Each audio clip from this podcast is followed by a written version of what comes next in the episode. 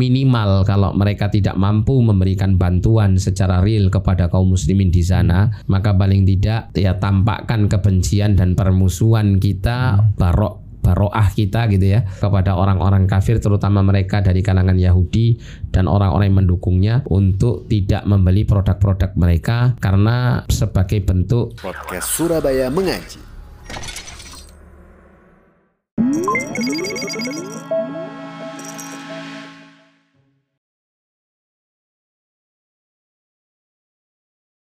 Bismillahirrahmanirrahim. Assalamualaikum warahmatullahi wabarakatuh. Alhamdulillah wassalatu wassalamu ala rasulillahi amma ba'du. Kembali lagi bersama kami di serial podcast Surabaya Mengaji Yang insya Allah membahas uh, berkaitan tentang tema-tema menarik seputar keislaman. Bersama kami sekarang Ustadz Muhammad Syaputra Hafizahullah Ta'ala. Assalamualaikum Ustadz. Waalaikumsalam warahmatullahi wabarakatuh. Gimana kabarnya Ustadz? Alhamdulillah baik. Alhamdulillah. Beredar kabar berkaitan tentang boykot produk-produk Yahudi Ustaz. Nah, sedangkan Yahudi masuk orang kafir nih. Iya, masuk iya, orang jelas. kafir. Iya. Iya, iya jelas. Kalau tadi perlu tanyakan. Iya. Nah, berkaitan tentang sebelum kita masuk berkaitan dengan boykot-boykot ini Ustaz, eh, karena orang Yahudi termasuk orang kafir itu bagaimana sebenarnya hukum kita bermuamalah dengan orang kafir Ustaz? Iya. Silakan Ustaz. Jadi secara hukum asal eh, kita bermuamalah dengan orang-orang kafir itu adalah hal yang dibolehkan, ya, adalah hal yang dibolehkan. Bahkan kepada Yahudi sekalipun di masa Rasulullah SAW itu Rasulullah itu bermuamalah bersama mereka, ya. Rasulullah ber- eh, jual beli bahkan diceritakan bahwa Rasulullah itu ketika akhir hayatnya itu masih ada hutang yang belum dilunasi oleh Rasulullah sehingga eh, baju zirah beliau, baju besi yang digunakan untuk perang beliau itu masih tergadaikan dengan salah seorang dari kalangan Yahudi. Artinya ini menunjukkan bahwasanya kaum muslimin di masa Rasulullah itu sudah terbiasa untuk bermuamalat eh, terutama masalah jual beli dan semacamnya bersama orang-orang kafir di sekitarnya atau orang-orang musyrikin di sekitarnya. Dan itu tidak dilarang ya, dan itu tidak dilarang. Namun yang dilarang itu adalah dalam kondisi semisal orang kafir itu dalam keadaan sedang memerangi, sedang memerangi kaum muslimin. Nah, maka ini para ulama menerangkan tidak diperbolehkan ya eh, kaum muslimin ini untuk berinteraksi bermuamalah dengan orang-orang kafir yang sedang memerangi. Ya jelas ya bagaimana dia akan bermuamalah jual beli sedangkan yang diajak jual beli ini dia sedang ingin ya merenggut nyawa orang yang membeli barangnya atau menjual barangnya kepada mereka. Nah kan gitu kan secara logis kan jelas ya tidak mungkin untuk bisa dilakukan transaksi jual beli semacam semacam ini. Jadi begitu. Masya Allah. Sedangkan di masa sekarang ini terjadi ya genosida yang kita tahu saat yang Iya. anak-anak kecil dibunuh dan eh, apa namanya orang tua ataupun perempuan semuanya dibunuh.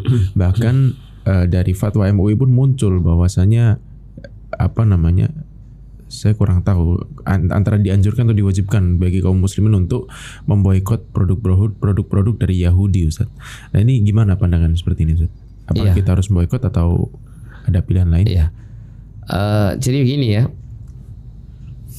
Mengenai eh, memboikot produk-produk ini jika produk itu memang ya benar-benar dibuat oleh Yahudi atau produk tersebut dibuat oleh non Yahudi namun hasil dari penjualan produk-produk tersebut sangat-sangat diketahui bahwa eh, akan mendukung eh, apa namanya eh, perang yang dilakukan oleh mereka yang membunuhi kaum muslimin gitu ya. Nah, maka di sini kita kembali pada beberapa perincian yang disampaikan oleh para ulama. Jadi para ulama itu menerangkan bahwa hakikat dari pemboikotan itu itu selayaknya dilakukan oleh pemerintah kaum muslimin. Ya, pemerintah kaum muslimin. Jadi selayaknya pemerintah kaum muslimin menutup pintu untuk mengadakan muamalat bersama orang-orang kafir yang memerangi kaum muslimin, termasuk di antara di sini adalah bangsa Yahudi ini. Ya. Jadi dengan tidak menggunakan produk-produk mereka atau memberi, memberikan izin untuk masuk produk-produk mereka ke negeri kita atau mungkin perusahaan mereka masuk ke negeri kita untuk kemudian bermuamalah secara eh, masif di negeri kita. Nah, ini adalah ranahnya ulil amri gitu ya. Dari sisi eh, pemboikotan yang yang yang sifatnya itu benar-benar bisa menghentikan gitu kan laju pergerakan eh, produk mereka. Namun ketika pemerintah kita misalnya masih mempertimbangkan adanya masalah dan mafsadat yang terjadi kemudian eh, belum mengambil tindakan sampai memboikot pada taraf tersebut maka pemboikotan ini bisa dilakukan oleh setiap individu kaum muslimin. Namun ini sifatnya pribadi-pribadi gitu ya. Tidak kemudian berkoar-koar untuk terus menyuarakan pemboikotan kepada pihak yang lain yang mungkin mereka memandang bahwa tidak diperlukannya pemboikotan. Artinya tidak saling memaksakan ya tentang masalah pemboikotan ini. Tapi secara pribadi ya selayaknya untuk eh, merasakan bagaimana apa yang dirasakan oleh saudara sesama muslim yang ada di Palestina yang yang saat ini sedang eh, meregang nyawa dalam dalam eh, apa namanya eh, aksi peperangan yang terjadi antara mereka dengan orang-orang Yahudi yang menjajah mereka. Jadi selayaknya bagi kaum muslimin itu untuk tergerak hatinya itu minimal kalau mereka tidak mampu memberikan bantuan secara real kepada kaum muslimin di sana, maka paling tidak ya tampakkan kebencian dan permusuhan kita, barok baroah kita gitu ya. Walak kita kepada kaum muslimin di Palestina dan baroah kita kepada orang-orang kafir terutama mereka dari kalangan Yahudi dan orang-orang yang mendukungnya untuk tidak membeli produk-produk mereka karena eh, sebagai bentuk eh, ketidaksukaan kita atau kebencian kita kepada apa yang dilakukan oleh orang-orang kafir tersebut. Jadi seperti itu. Ah, tapi bagi orang-orang yang memboikot misalkan apa namanya ada so, ah, ada orang yang memboikot produk-produk Yahudi Ustaz. Iya. Tapi kita tahu kan kalau kita masuk ke toko misalkan Ustaz, Iya. mayoritas itu produk Iya, mendukung produk, Yahudi. iya. Sedangkan kita nggak agak kesusahan kalau kita mau ganti mung- atau mungkin kita yang belum ketemu dengan produk yang mungkin cocok-cocokan dengan kita Ustaz. Iya, iya. Itu kalau belum ada gantinya berarti kalau menggunakan produk yang ada tersebut masih tidak mengapa atau tidak selayaknya Ustaz. Iya, jadi itu kembali kepada maslahat dan mafsadat masing-masing individu orang ya. Hmm. Jadi tetap dalam satu keadaan di mana kondisi kaum muslimin sekarang itu semacam ini kondisinya di Palestina itu kita tetap harus memiliki eh, kecemburuan ya sekaligus adanya pembelaan kepada saudara-saudara kita di sana yang salah satunya bisa kita lakukan melalui pemboikotan. Namun kalau seandainya ya kala kita membutuhkan suatu barang atau produk tertentu yang dihasilkan oleh orang-orang Yahudi ini ternyata tidak memiliki eh, alternatif lain ya, nggak ada barang lain yang bisa kita pilih untuk menggantikannya.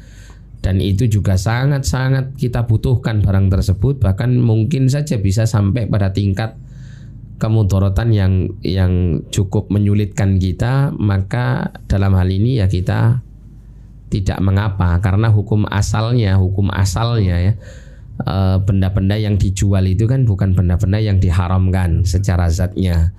Ya sehingga dalam hal ini karena kondisi yang memu- tidak memungkinkan bagi kita untuk mencari alternatif barang yang lain ya maka kita ya tidak ada masalah untuk membeli barang tersebut. Tapi tetap ada semangat untuk melakukan pemboikotan ini ya bagi tiap-tiap individu kaum muslimin eh, agar supaya tidak bermudah-mudahan di dalam hal yang semacam ini gitu ya. Akan tapi Ustaz, eh, ada tidak sedikit orang yang ketika ada kejadian seperti ini, genosida seperti ini itu mereka mendukung Palestina, justru mereka mendukung Yahudi atau pro Yahudi Ustaz ya. Bahkan itu terjadi di beberapa kalangan influencer. Nah, hukum orang yang seperti ini bagaimana Ustaz? Iya, kalau dia muslim ya tidak selayaknya dan ini eh, menunjukkan bagaimana ya kondisi kualitas agama dia gitu kan. Karena dalam Islam itu kan ada namanya akidah al-wala wal bara ya. Akidah yang berkaitan dengan siapa yang harus kita cintai dan siapa yang harus kita benci dan kita musuhi kan begitu. Dan itu sebuah konsekuensi kita beriman. Nah, ketika seseorang itu dia mengaku dirinya muslim tapi kemudian dia memilih dukungan yang diberikan, ci- kecintaan, loyalitas yang diberikan kepada justru musuh Allah yang seharusnya layak untuk dimusuhi atau dia benci. Nah, maka tentu keadaan seperti ini layak untuk dipertanyakan keislamannya gitu. Dia Islam, dia mengatakan bahwa saya cinta Allah, cinta Rasul gitu kan.